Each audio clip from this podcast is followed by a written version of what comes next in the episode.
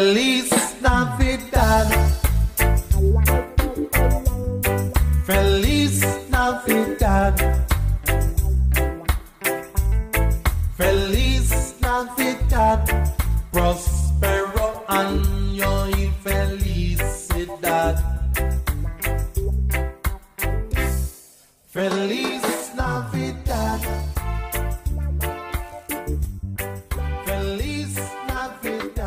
Oke teman-teman kembali di podcast kelas Thomas. Sekarang kelas Thomas nanti ke depannya akan mengeluarkan dua episode. Episode spesial Natal AC dan episode spesial ini nggak cuma segmennya tapi apa ya bisa diomongkan bintang tamu apa temen nih? Temen lah. Teman ya Teman teman-teman. aja. teman-teman teman dekat Waduh. dan tapi jangan dideket-deketin ya. Enggak. physical distancing ya bro? Ya ya ya teman dekat dan dia ingin eh nggak ingin eh, berkenan diajak. Nah langsung saja ini teman saya eh, ya agak tua tapi bisa dibilang bisa dibilang sepantaran. Langsung saja Eh, aku bilangnya mbak apa kak ini enaknya kak lah kak kak kak. Oke kak boleh kenalin nggak namanya siapa? Ya halo eh, teman-temannya Kevin. Ini bukan podcastku. Tolonglah ini ini kela- namanya kelas Thomas. Eh aku kenalin dulu podcastnya. Oh ya ya ya ya kelas Thomas. Belum di briefing pak. Sorry pak. Namanya sorry mendadak soalnya. Ini namanya podcast kelas Thomas nah podcast kelas Thomas itu eh, produknya parodi paroki gitu jadi di sini namanya podcast kelas Thomas Nah, di kelas Thomas ini ini episode ke-9 nanti. Nanti masuk ke episode 9 ada bersama Kak siapa nih? Ya, halo lagi. halo teman-teman kelas Thomas, Eh, saya Mei. Panggil aja Kak Mei, karena kalau panggilan Kak itu kayaknya lebih lama gitu ya, lebih long last. Contohnya itu Kak Seto gitu. Jadi biarpun udah tua ya, beliau masih dipanggil Kak loh. Gitu. Jadi kita panggilnya Kak Mei aja. Bagus.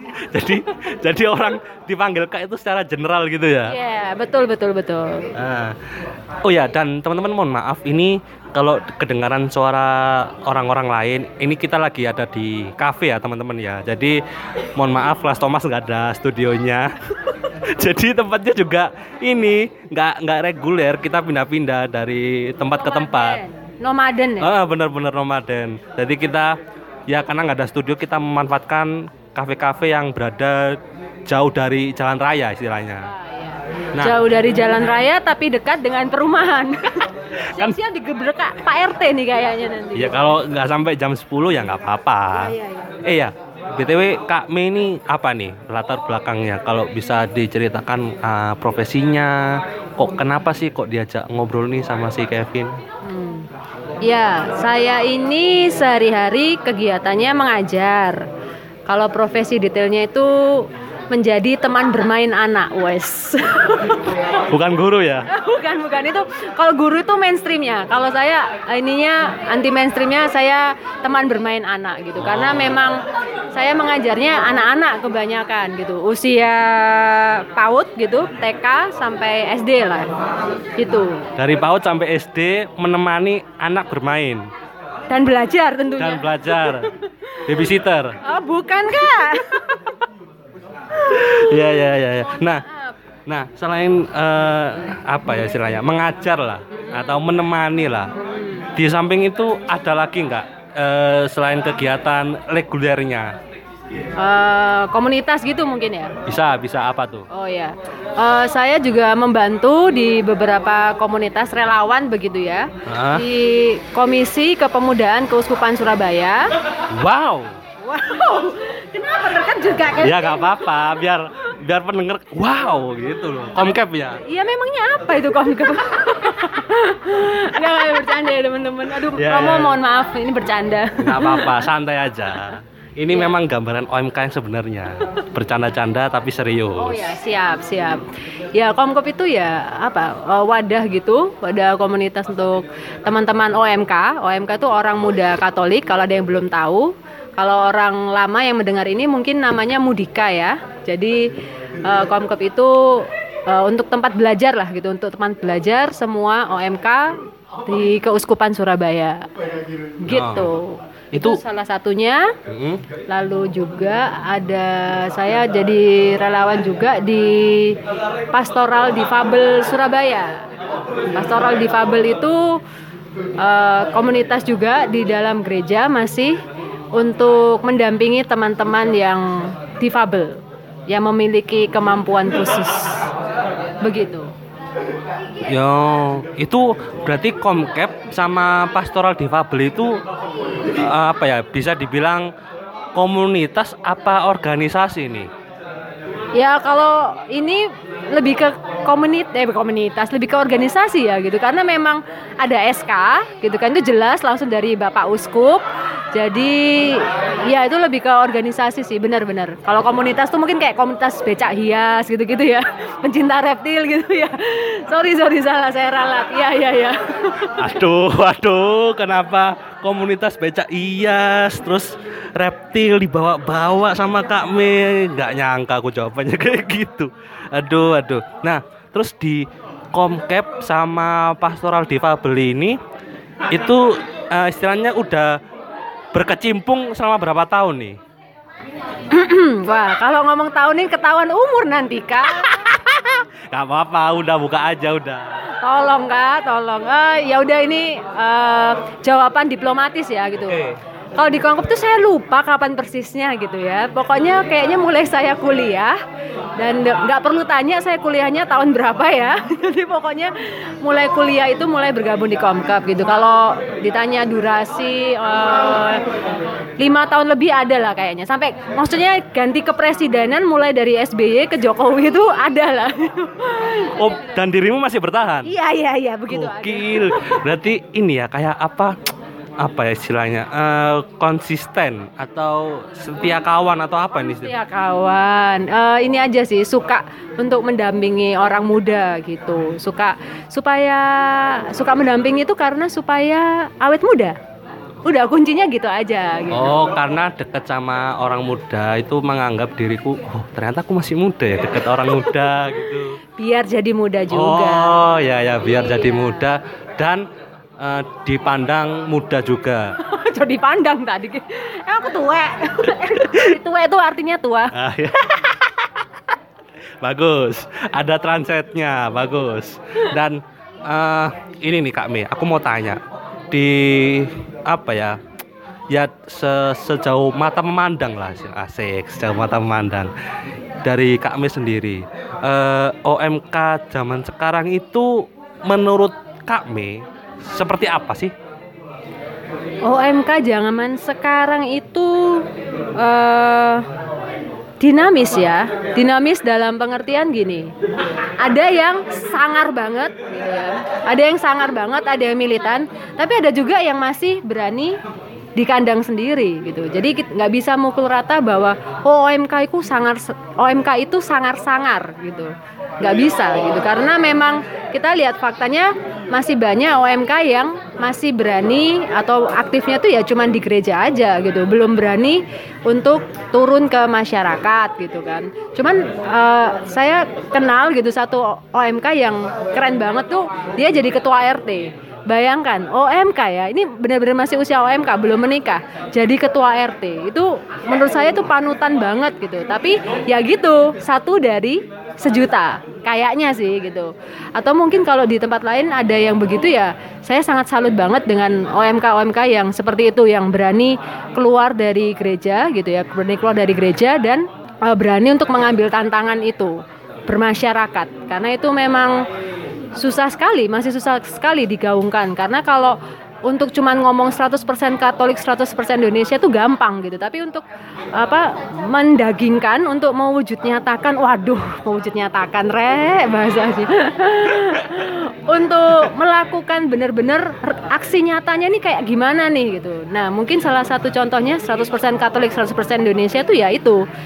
Jadi ambil bagian di lingkungan masyarakat. Jadi ketua RT itu paling kecil dan itu wah swanger banget lah pokoknya. Sangar sangar. Aku mau tanya nih Kak Me. Eh, BTW sangar itu apa sih? Sangar itu kosakata Surabaya ya. Sangar itu apa nih? Kita terjemahkan. Menyamakan ya, menyamakan Nah, persepsi. apa? Eh, sangar itu kayak keren, ya enggak?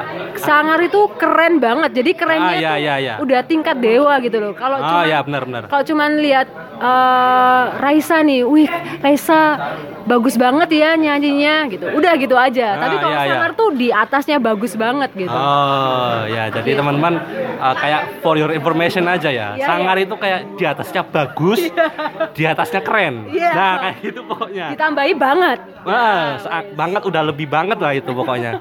itu pertanyaan pertama dari aku. Terus yang kedua nih, ini serius nih, ada OMK yang jadi ketua RW, apa? RT, RT. Ketua RT. Iya. Siapa namanya? Abdul Kolil. Sopo. Siapa Siapa? itu Kak Loh, Kevin? Abdul Kolil ketua RT ku ada. iya, iya, mungkin itu juga OMK mungkin. Namanya Abdul ya kan? oh, bukan Kolil dong. Enggak, eh sumpah memang beneran ada maksudku ada ada. ada. Ada ada beneran Dia ada. nggak mikir apa kayak eh, apa ya masa depannya kayak mungkin ada tanggungan kuliah, kerja atau apa gitu. Oh ya. Namanya nih William, dia OMK Paroki Aloysius Gonzaga Surabaya. Dia posisinya nih sudah bekerja nih gitu, udah bekerja udah mapan sebenarnya tuh kayak tinggal menikah aja sebenarnya. Tapi maaf kok William, saya bukan menghakimi tapi ya belum waktunya Tuhan aja gitu. Jadi mungkin apa ya sambil menunggu eh, tulang rusuknya gitu ya. Jadi daripada iseng gitu cuman bengong, cuman rebahan, Tuhan tulang rusukku belum datang. Aduh, aduh. terus terus ada tawaran untuk uh, dia menjadi ketua RT makanya ya udahlah Tuhan sambil menunggu tulang rusukku datang aku tak jadi ketua RT dulu mungkin itu yang dipikirkan sama Ko William mungkin ya saya ngawur aja Berarti berarti si Ko William ini em, mengisi waktu kosongnya itu dengan menjadi ketua RT gitu. iya seniat itu sesangar itu sekeren itulah gitu pokoknya Ini kalau beneran terjadi nih, Ko William harus menjadi eh, patokannya OMK di Indonesia. bisa bisa bisa bisa Karena karena gini Mak Me, kalau aku ya jadi ya anak-anak muda yang biasa-biasa aja, paling aku kalau ngisi waktu luang cuma main PS. Dan iku aku main CTR, ngerti nggak CTR? Crash Team Racing. Iku iku aku wis paling mentok ngisi waktu luang iku PS-an wis. Kak Kevin mohon maaf sekarang udah PS 5 Kak Kevin untuk PS dulu berapa? PS1. Itu ada dulu PS1 sama apa? PSP dulu ada. Itu aku ngisi waktunya kayak gitu.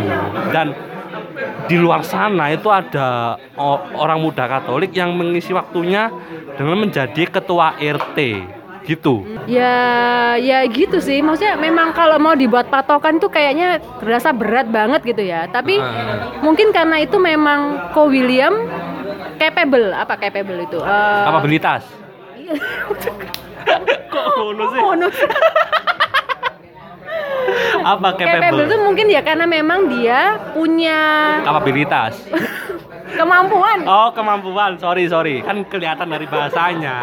Ya punya kemampuan di situ. Maksudnya dalam kemampuan manajemen diri, kemampuan eh, manajemen orang lain juga. Jadi makanya dia dipercaya di situ. Tapi bukan berarti eh, kalau kita nggak punya kemampuan-kemampuan seperti Ko William atau kemampuan-kemampuan yang baik gitu ya, kemampuan-kemampuan yang sangar, yang keren, bukan berarti kita nggak bisa jadi apa atau membuat sesuatu gitu buat masyarakat toh.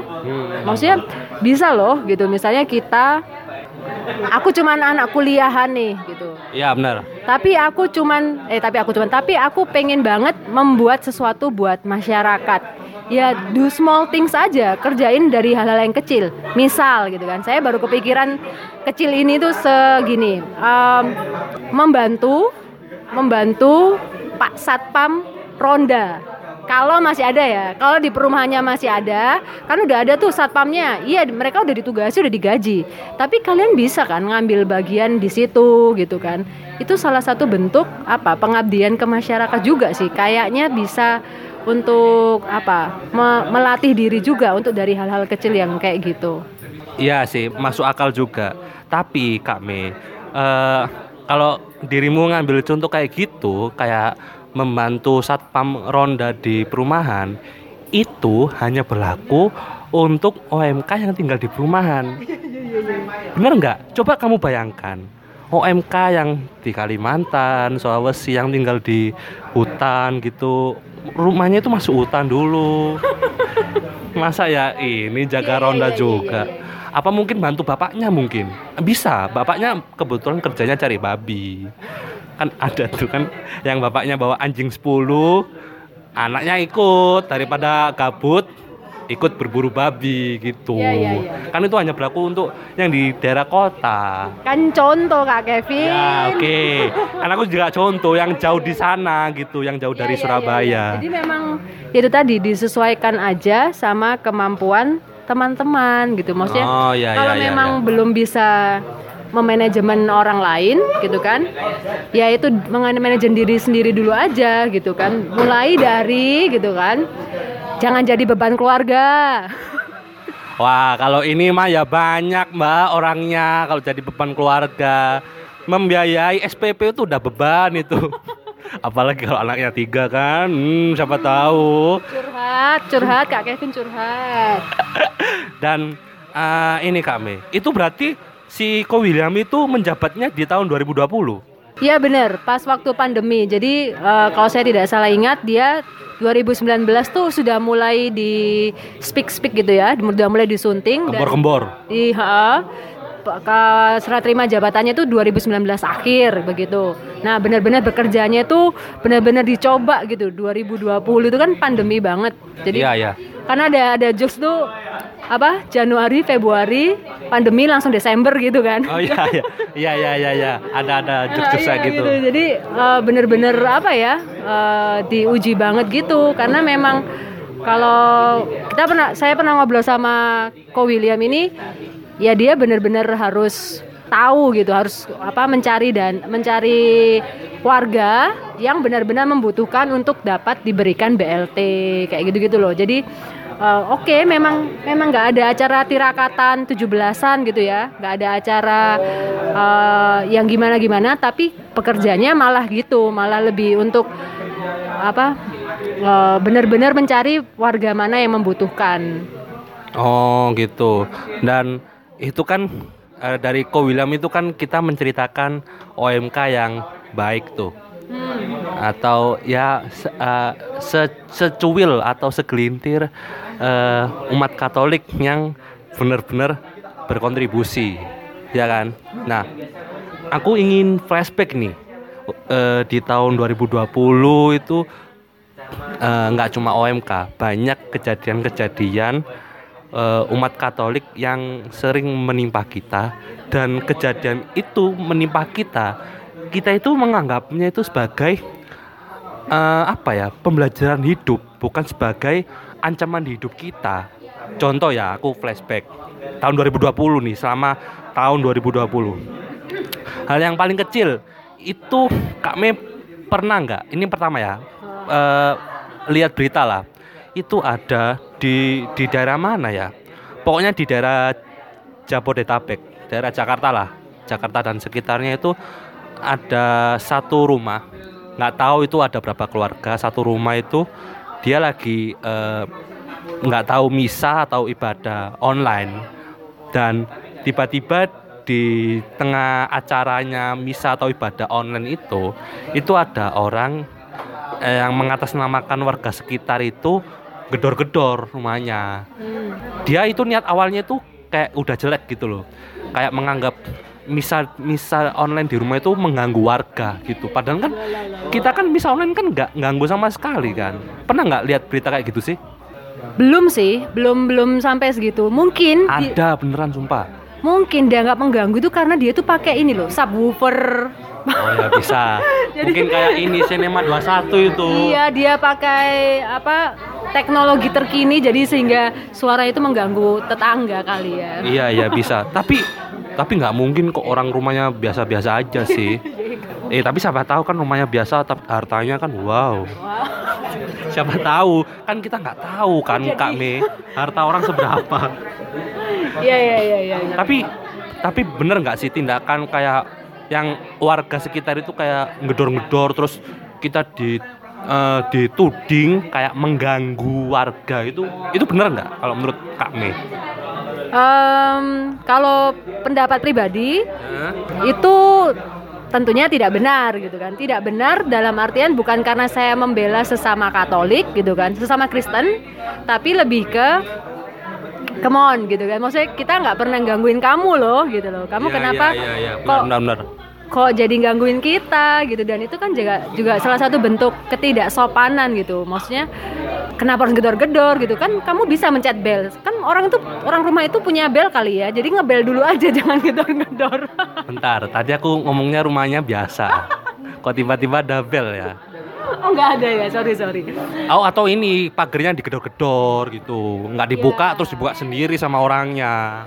Ya, itu eh, lagi-lagi ya, mungkin ada apa miskomunikasi gitu, kurangnya komunikasi dengan RT juga kan eh, Hmm, fungsi ya, ya, ya. Pak RT gitu kan untuk rukun tetangga gitu, yang itu mestinya merukunkan antar tetangga. Kalau memang ada yang keberatan tuh mestinya dikomunikasikan dulu ke RT, biar Pak RT-nya yang datang gitu kan, yang datang ke rumahnya gitu. Atau jangan-jangan Pak RT ikut gedor-gedor ya?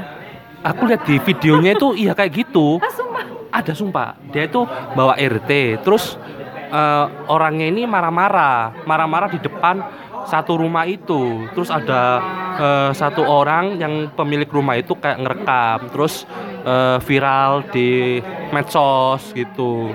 Setauku sih viralnya di Instagram gitu. Kayak terus komentarnya itu netizen itu kayak geram, terus kayak apa?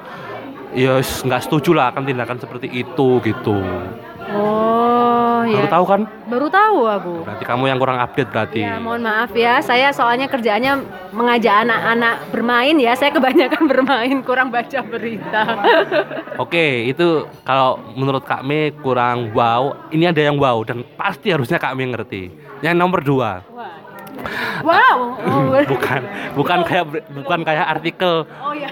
tujuh fakta. Nomor dua, wow, gak gak gitu konsepnya podcast Kak Me. Tolong, ini bukan artikel. Iya, iya, iya, sorry. Ini ini yang kedua itu ini tahu nggak gereja eh gereja bedok gereja bedok di Yogyakarta. Ya. Bedok itu kalau aku lihat di maps itu teman-teman kalau bisa tahu di sebelah baratnya Jogja. Tapi itu udah keluar dari kota Jogjanya. Masuk masuk Sleman tapi arah-arah Kulon Progo. Ya pokoknya Jawa Tengah lah ya. Jogja, hey. Iya, iya, iya. Jogja. Jogja dong. Ya maksudnya masih daerah situ lah ya. Jadi, Eh, oh, ini Kos gitu. Keuskupan Semarang. Ah, Ya.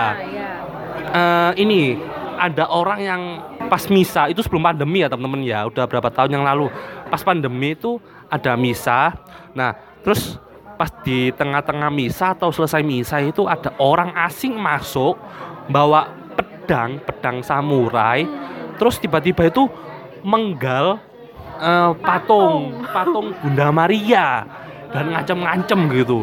Dipenggal terus disaksikan gitu dipenggal jeret pecah itu patungnya bener-bener kepotong. Dari mas aku lihatnya itu leher sampai ke dada itu kepotong gitu. Nah Iya, iya. Dan aku lihat berita kami dan artikel itu konon kabarnya orangnya itu sebagai sak eh sorry eh, tersangka itu bukan orang Jogja setauku ya sa- eh, tersangkanya ini dia ini orang Banyuwangi Waduh. ngerti nggak Jauh ya. Jadi Banyuwangi Serius? itu kan di Jawa Timur gitu ya. Eh, bukan Jo- Banyuwangi itu kabupaten yang paling timur di Pulau Jawa Kan Jawa Timur ya kan.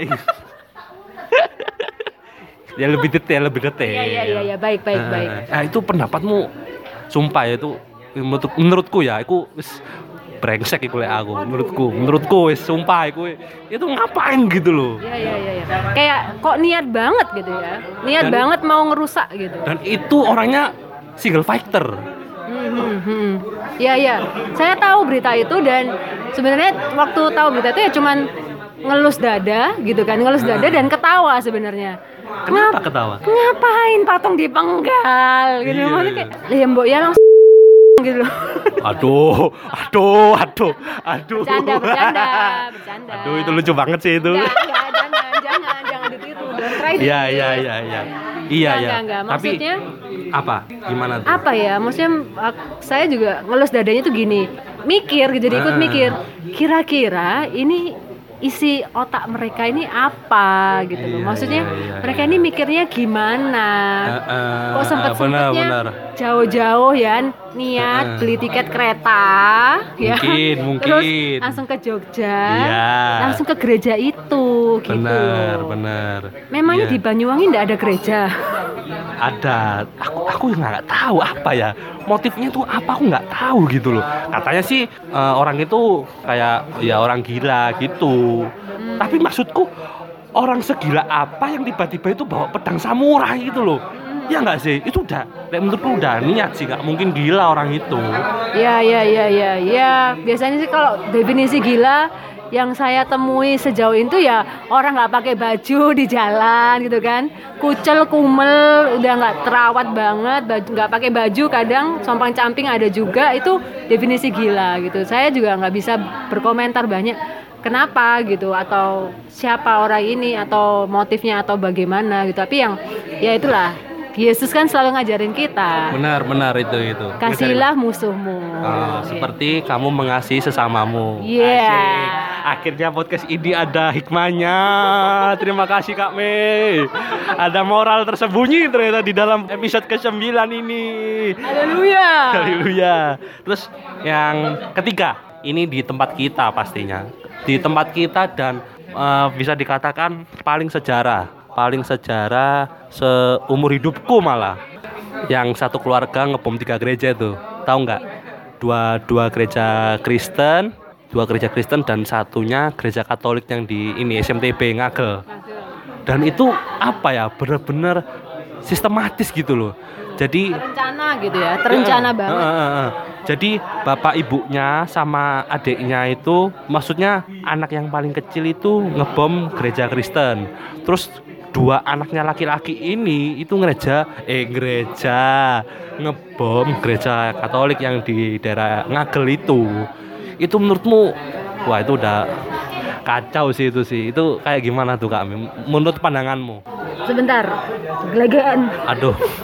Jangan sedih gitulah. Masa sedihnya Bukan bukan sedih, mau apa ini? Bersendawa. bersendawa, iya ya. Mau bersendawa tadi, sorry.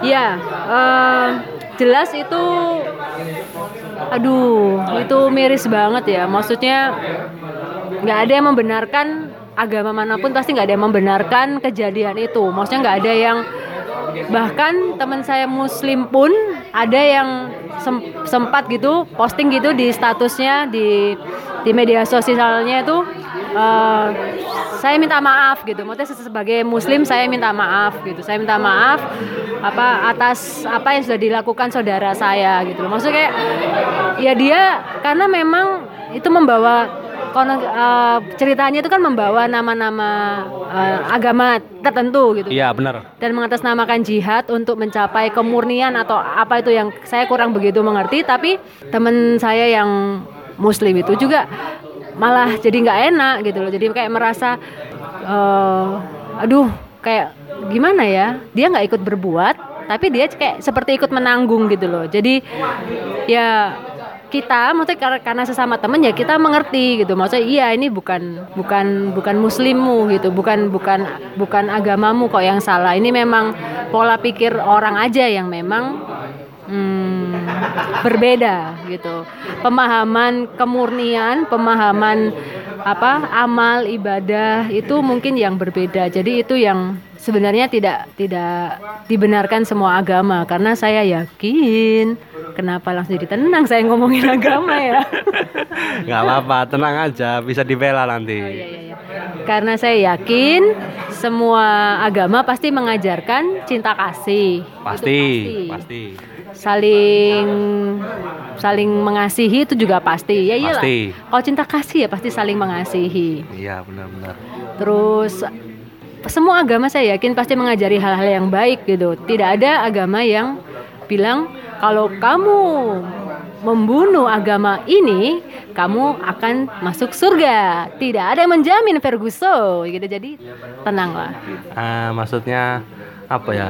Kegiatan yang nggak cuma kegiatan agama, semua kegiatan kalau dilakukan secara ekstremis dan terlalu fanatik itu itu akan menyebabkan overdosis dan overdosis itu tidak baik untuk keberlangsungan dirimu dan juga orang lain Ya, jangan mabuk agama gitu. terutama Jadi kayak agama kita, agama kita yang kita yakini masing-masing itu baik.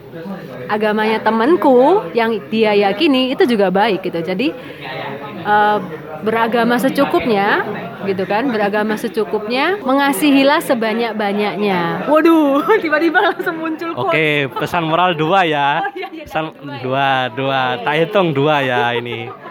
Dan dan ini kami, aku bangganya sebagai umat Katolik itu bukan bangga. Hal-hal yang tidak aku duga pasca pengeboman itu yang di gereja Katolik SMTB itu apa Santa Maria tak bercela itu bekas eh, runtuhannya kayak apa ya eh, puing-puingnya di tembok-temboknya itu tidak diperbaiki sama pihak gereja. Jadi dibiarkan kayak sisa-sisa puing gitu dibiarkan dan malah dipajang diberi kaca gitu. Kayak seolah-olah ini gereja apa museum gitu loh. Kayak ya bener kayak seolah-olah itu sejarah hidup dan mati gereja itu. Kayak melihat aku pernah lihat di situ di deket kan itu kan ada deket perempatan kan itu. Dan aku lihat loh kok ini kok di apa dipajang nggak nggak diperbaiki atau di eh, renovasi gitu. Dan itu aku juga sempat flashback tiba-tiba itu. Di di CCTV-nya kan itu kan waktu dulu kan eh, waktu pengeboman itu kan ada kayak tatipnya kan kalau nggak salah tatip atau pengaman dari gereja itu atau kayak security kayak menggadang. Dia dari jauh itu udah melihat. Ya. kayak eh, dua orang laki-laki masih muda itu pakai motor terus diadang. Nah diadangnya itu pas apa ya pokoknya antara tengah-tengah pos satpam sama pintu masuk ke gereja itu diadang. Tiba-tiba eh, anaknya itu si anak itu udah shock panik langsung diteken tombolnya dan boom langsung meledak seketika Ya, itu almarhum Mas Bayu. Ya, namanya almarhum Mas Bayu yang saya tahu waktu itu tuh memang dia sedang bertugas untuk menjaga parkir. Oh, ya, jadi kan memang di situ kejadiannya adalah pintu masuk untuk parkir motor waktu itu. iya iya iya Nah, itu memang benar yang diceritain Kevin tadi. Jadi begitu masuk gitu karena mungkin pelakunya panik jadi langsung meledakannya di situ dan ya itu eh, benar-benar kalau masih ingat-ingat lagi tuh masih bikin merinding gitu loh. Ada ya orang yang punya iman sebesar Mas almarhum Mas Bayu ini gitu kan. Maksudnya dia tidak memikirkan keluarganya tapi dia lebih mementingkan untuk kepentingan orang banyak gitu. Jadi kalau kalau jadi kayak apa ya kayak santo banget gitu. Maksudnya kayak kudus banget gitu. Dia memberikan nyawanya bagi sahabatnya. Kayak di Alkitab juga kan? Benar benar. Ya ya tahu kan? tahu tahu gitu. Dan itu jadi yang eh, mungkin yang bisa kita patut kita contoh gitu kan dari almarhum Mas Bayu. Bukan bukan ini ya bukan mati cepet gitu jangan ya. Maksudnya tapi lebih ke untuk kerelaan untuk memberikan diri dalam pengertian itu membagi waktu mungkin untuk pelayanan di gereja membagi waktu juga jangan lupa keluarga juga ini yang penting juga. Ya kadang benar kalau benar. kalau udah terlalu aktif di luar tuh orang rumah dilupain gitu. Jadi kayak ya Saya, saya mah, saya mah, sebentar mah, sebentar mah, gitu. Saya mau pergi ke gereja, gitu. Saya mau bantu pastor, gitu.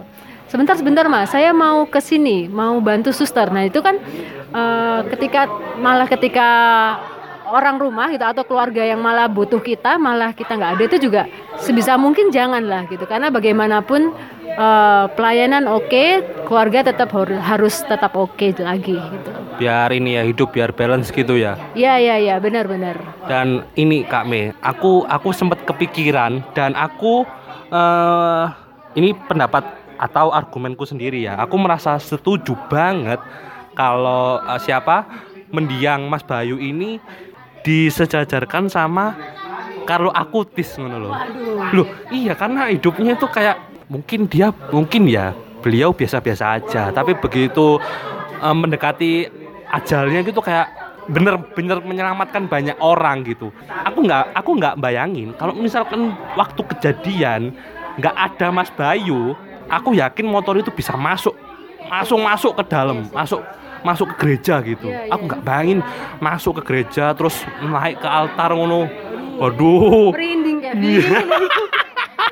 Enggak. Bayanganmu terlalu liar dan menakutkan sekali nggak. memang. Tapi ininya gini, kayak kayak apa ya? Perlu nggak sih kayak di apa istilahnya kalau kalau akutis itu bea beautiful apa? Beatifikasi. Nah, itu itu. Maksudku itu, maksudku itu.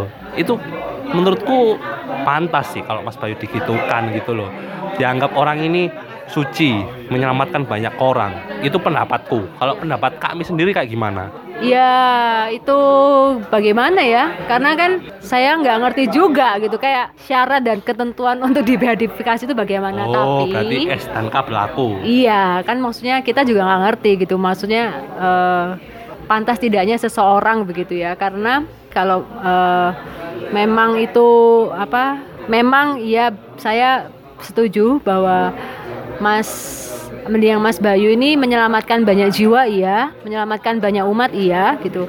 Tapi apakah eh, itu pantas atau tidak itu mungkin kita harus tanya ke pihak gereja kali ya gitu maksudnya. Oh ya, bisa bisa bisa. Karena eh, memang jasa Mas Bayu pasti saya yakin akan terus diingat sampai sampai nanti OMK generasi ketujuh.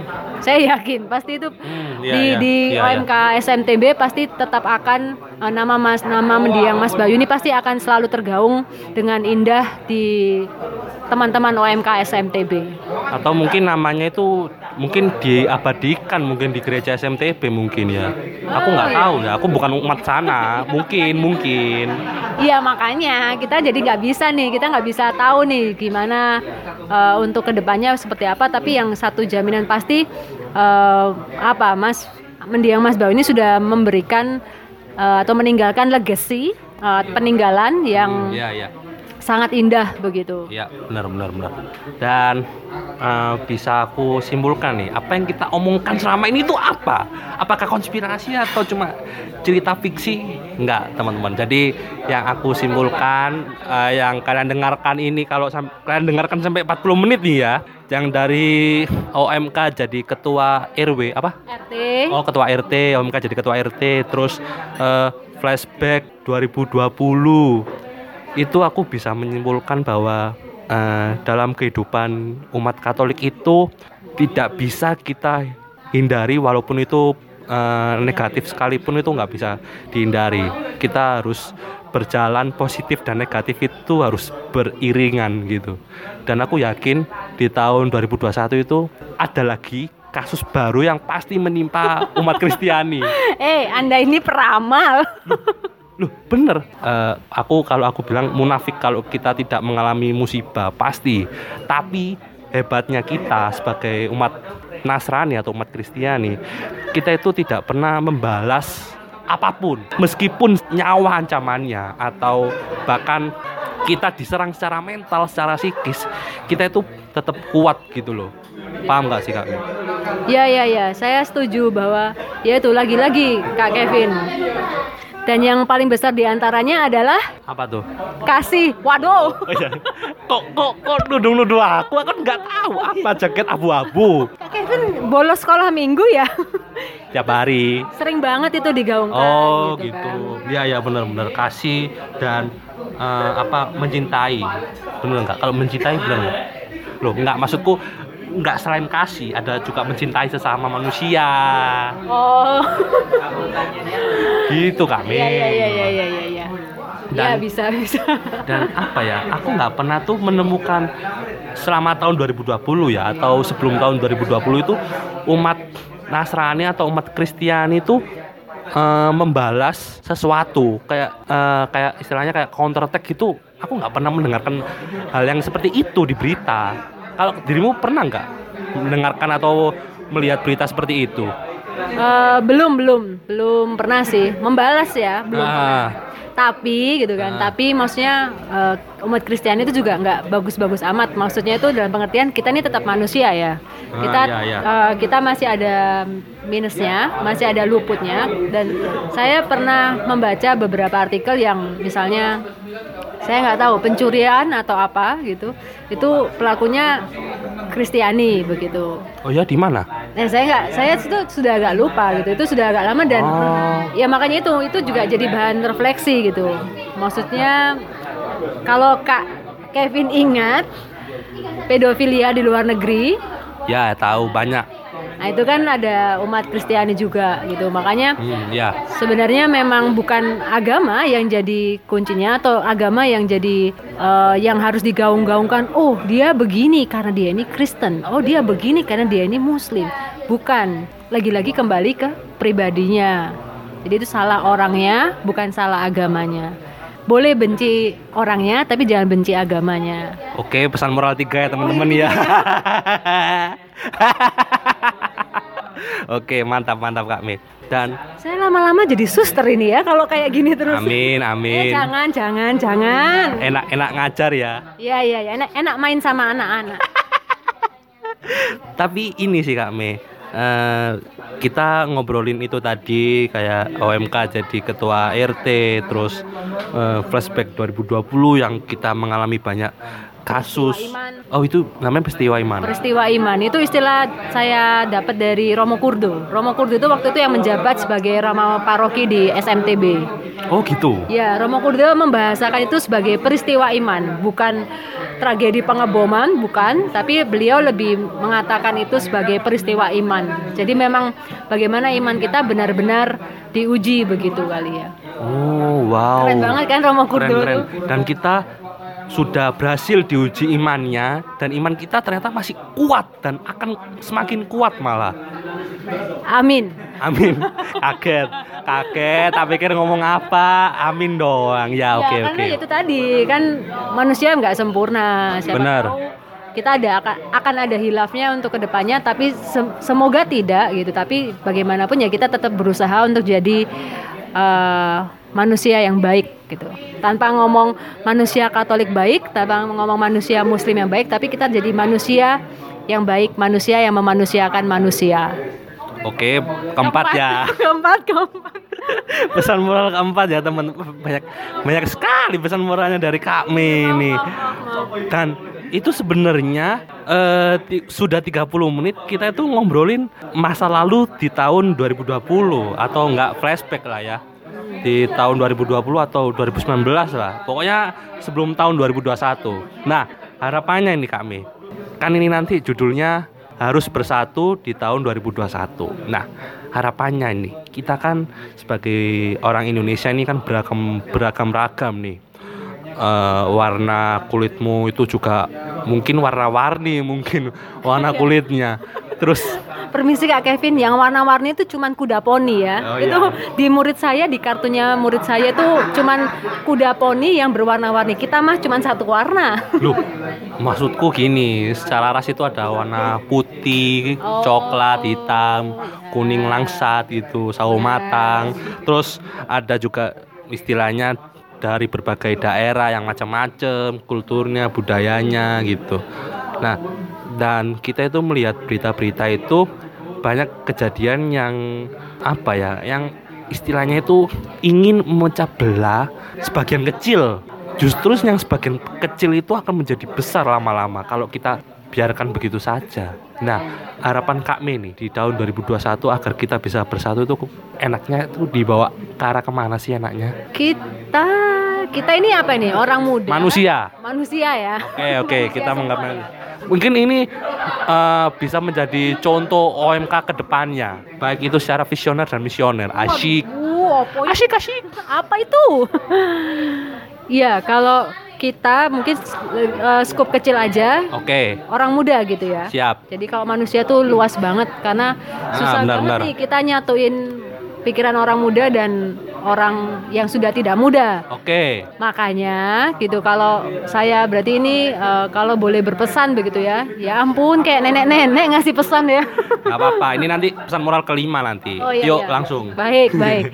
Eh, sebaik eh, akan lebih baik gitu kan. Maksudnya selama ini saya saya lihat ya, kalau di TV-TV itu yang suka bikin kerusuhan, bener suka bikin kekacauan itu. Bener belum. Apa-apa. Ya maksudnya bener di TV Oh, iya, kan, iya, iya, iya. kegaduhan Ya, apalagi. kegaduhan. Nah, yang suka bikin kegaduhan di yang banyak kita lihat di di mana? Di media berita cetak ataupun digital itu kebanyakan tuh orang-orang tua gitu kan. Malah orang mudanya ini kayaknya masih anteng-anteng aja. Orang mudanya ini kayaknya eh, toleransinya tuh tinggi banget maka eh, itu sudah baik dan pertahankan gitu kan pertahankan. Dan untuk semakin lebih bersatu akan lebih baik kalau memang kita tuh bikin program antara orang muda nih bikin kayak acara bareng gitu di antar misalnya eh, OM OMK paroki A gitu bikin acara bareng sama pesantren mana gitu kan. Jadi mungkin itu akan bisa membuat kita jadi lebih satu em, menambah teman jelas gitu. Yang kedua kita pasti kalau kita udah kumpul bikin acara bareng hal-hal negatif tuh pasti hilang lah. Atau bukan hilang malah nggak sempat kepikiran. Jadi kalau kalau kita bikin sesu- sesuatu hal yang bareng-bareng itu mungkin akan jadi bikin kita malah saling support gitu kan. Saling support dan saya yakin sih nggak akan ada pikiran aneh-aneh gitu. Maksudnya orang mum- mumpung orang mudanya ini generasinya kita generasi Z ini itu orangnya kreatif dan kritis baik kalau kalau modal yang kita punya itu kekreatifan dan eh, kritis itu kita pakai untuk hal-hal yang positif gitu. Gitu kak Kevin. Lamun. Aku aku mencermati dari omongan Kak Mei. Berarti eh, sebaiknya di tahun 2021 ini kita banyak-banyakin berkolaborasi seperti itu ya. bisa bisa kolaborasi kan itu jadi bentuk bentuk ininya ya bentuk yang kelihatan Ya benar. acara itu kan bentuk-bentuk fisiknya, bentuk kelihatannya. Mungkin yang tidak kelihatan ya sekedar untuk menyapa di media sosial. Misalnya ada teman yang merayakan eh, hari keagamaan tertentu, kita juga ikut ucapkan gitu kan sebagai sebagai bentuk support gitu. Sebagai bentuk support bahwa aku tahu gitu kamu lagi merayakan hari agamamu nih gitu. Selamat ya, gitu. Selamat merayakan. Udah sesimpel itu aja sih. Oh keren keren keren kami. Udah hampir satu jam nih kami. Iya nggak kerasa Nggak nggak ya. kerasa nggak kerasa. Tapi kita ngomong kayak 10 menit gitu loh. Atau enggak 15 menit gitu loh. Iya. Tapi yang dengerin kayaknya udah panas Kak Kevin kupingnya. Jangan Nggak. salah, tadi pesan moral ada 5 loh. Oh iya iya iya sudah dihitungin ya. Iya. Ini kalau diterusin nanti ini bisa jadi 10 perintah Kak Mei ya. bagus, bagus. Tingkatkan pamor kelas Thomas, bagus. Dan oh ya, sebelumnya terima kasih Kak Me sudah sowan-sowan ke kelas Thomas yang sempat ini mengalami fase-fase paceklik. Jadi nggak cuma pertanian, podcast pun juga paceklik. Bisa ya. Bisa. Ini ada istilah dari kelas Thomas sendiri. Oh, iya, iya. Musim-musim paceklik di podcast dan podcast kelas Thomas ini adalah kalau aku berani menabiskan diri it- Waduh. itu podcast OMK pertama di Indonesia. Loh, loh, loh, loh. Hati-hati main klaim. Enggak sih, tapi semoga kelas Thomas ini bisa menjadi inspirasi teman-teman OMK yang di mana pun kalian berada. Pokoknya kalau dengarkan ini pasti terinspirasi karena ada kami. Kami itu orangnya inspirator, motivator yang sesungguhnya. Tapi tidak kotor ya. Hati-hati. Oh, iya, iya, iya. Oh, ada or-ornya gitu. Iya iya iya iya. iya. Dan ini kami akhir kata dari aku kita sebagai eh, warga negara Indonesia harusnya itu meniru negara Prancis. Waduh kenapa tuh? Dalam arti gini, eh, Piala Dunia tahun 98 di eh bukan Piala Dunia 98 yang juara Prancis. Kenapa Prancis? Karena ada fakta unik dan menarik di Piala Dunia 98 yang juara Prancis itu 50% lebih skuadnya itu bisa menjuarai Piala Dunia karena skuadnya itu bukan eh, orang-orangnya itu bukan asli orang Prancis, melainkan kebanyakan imigran. Bukan asli loh ya, bukan bukan Prancis tulen bukan. Eh, Bukan bukan lahir di Prancis begitu. ya? Bener, bener. Ada orang-orang Prancis yang ikut squad tahun 98 tapi nggak banyak. Notabene itu eh, pemainnya Prancis sendiri itu imigran dari eh, Afrika Utara kayak Maroko, Aljazair, terus ada yang dari Afrika yang benar-benar kulit hitam. Itu dia bisa juara Piala Dunia tahun 98. Alasannya kenapa? Karena di Prancis itu sangat memahami betul bahwasannya eh, kita berbeda itu bukan untuk melemahkan satu sama lain. Kita berbeda itu malah semakin menguatkan jati diri kita. Kita bisa memahami satu sama lain. Gitu. Harusnya Indonesia itu harus meniru Prancis seperti itu tahun Piala Dunia tahun 98. Aku sih pinginnya kayak gitu. Cuman eh, mungkin Indonesia masih terus belajar lah ya. Itu sih dari aku. Kalau dari kami ada tambahan lagi nggak? Sudah tadi sudah lima Kak Kevin. Iya iya iya. Bener. Aku aku yang malah nggak ada. Ya mungkin ini aja ya harapan saya gitu untuk kelas Thomas ini. gitu. Mantap, asyik. Karena eh, itu tadi, tadi saya sempat menyebutkan bahwa generasi Z ini kreatif dan kritis gitu. Maka semoga kelas Thomas ini terus ada begitu kan. Amin. Meskipun orangnya Kak Kevin Kak Kevin terus, Iya. Tahu aja nih. Nggak apa-apa gitu. Maksudnya mulai dulu aja gitu. Eh itu iklan sebelah ya. Sorry sorry Nggak apa-apa, Jangan apa-apa. jangan jangan dihitung. Nggak nggak nggak nggak. Ya, ya Terus, jadi terus. mulai mulai dari yang ada gitu kalau mungkin memang harusnya nih kelas Thomas ada timnya nih gitu tapi ternyata memang masih berhalangan karena kuliah kerja atau apa tapi lanjut aja dulu gitu kan karena memang kalau itu untuk tujuan yang baik pasti semesta akan mendukung Amin. Oke, terima kasih Kak Mil sudah closing yang sangat menakjubkan 55 menit. Tapi mantap Kak Mil. Semoga ini ada pesan-pesan yang tersembunyi di dalamnya. Semoga yang mendengarkan ini bisa sampai 100 listener. waduh Harapannya. amin harapannya tapi nggak apa-apa kami oke terima kasih Kak Me sekian dulu Kelas Thomas episode 9 nanti kapan-kapan kolaborasi lagi ya boleh boleh boleh. Pokoknya kan ditraktir minumnya ya. Ah coklat bos 50.000 ribu. Tapi nggak apa-apa nggak apa-apa. Untuk Kak Me tak gratisin malah sekian dari Kelas Thomas. Terima kasih teman-teman. Berkah dalam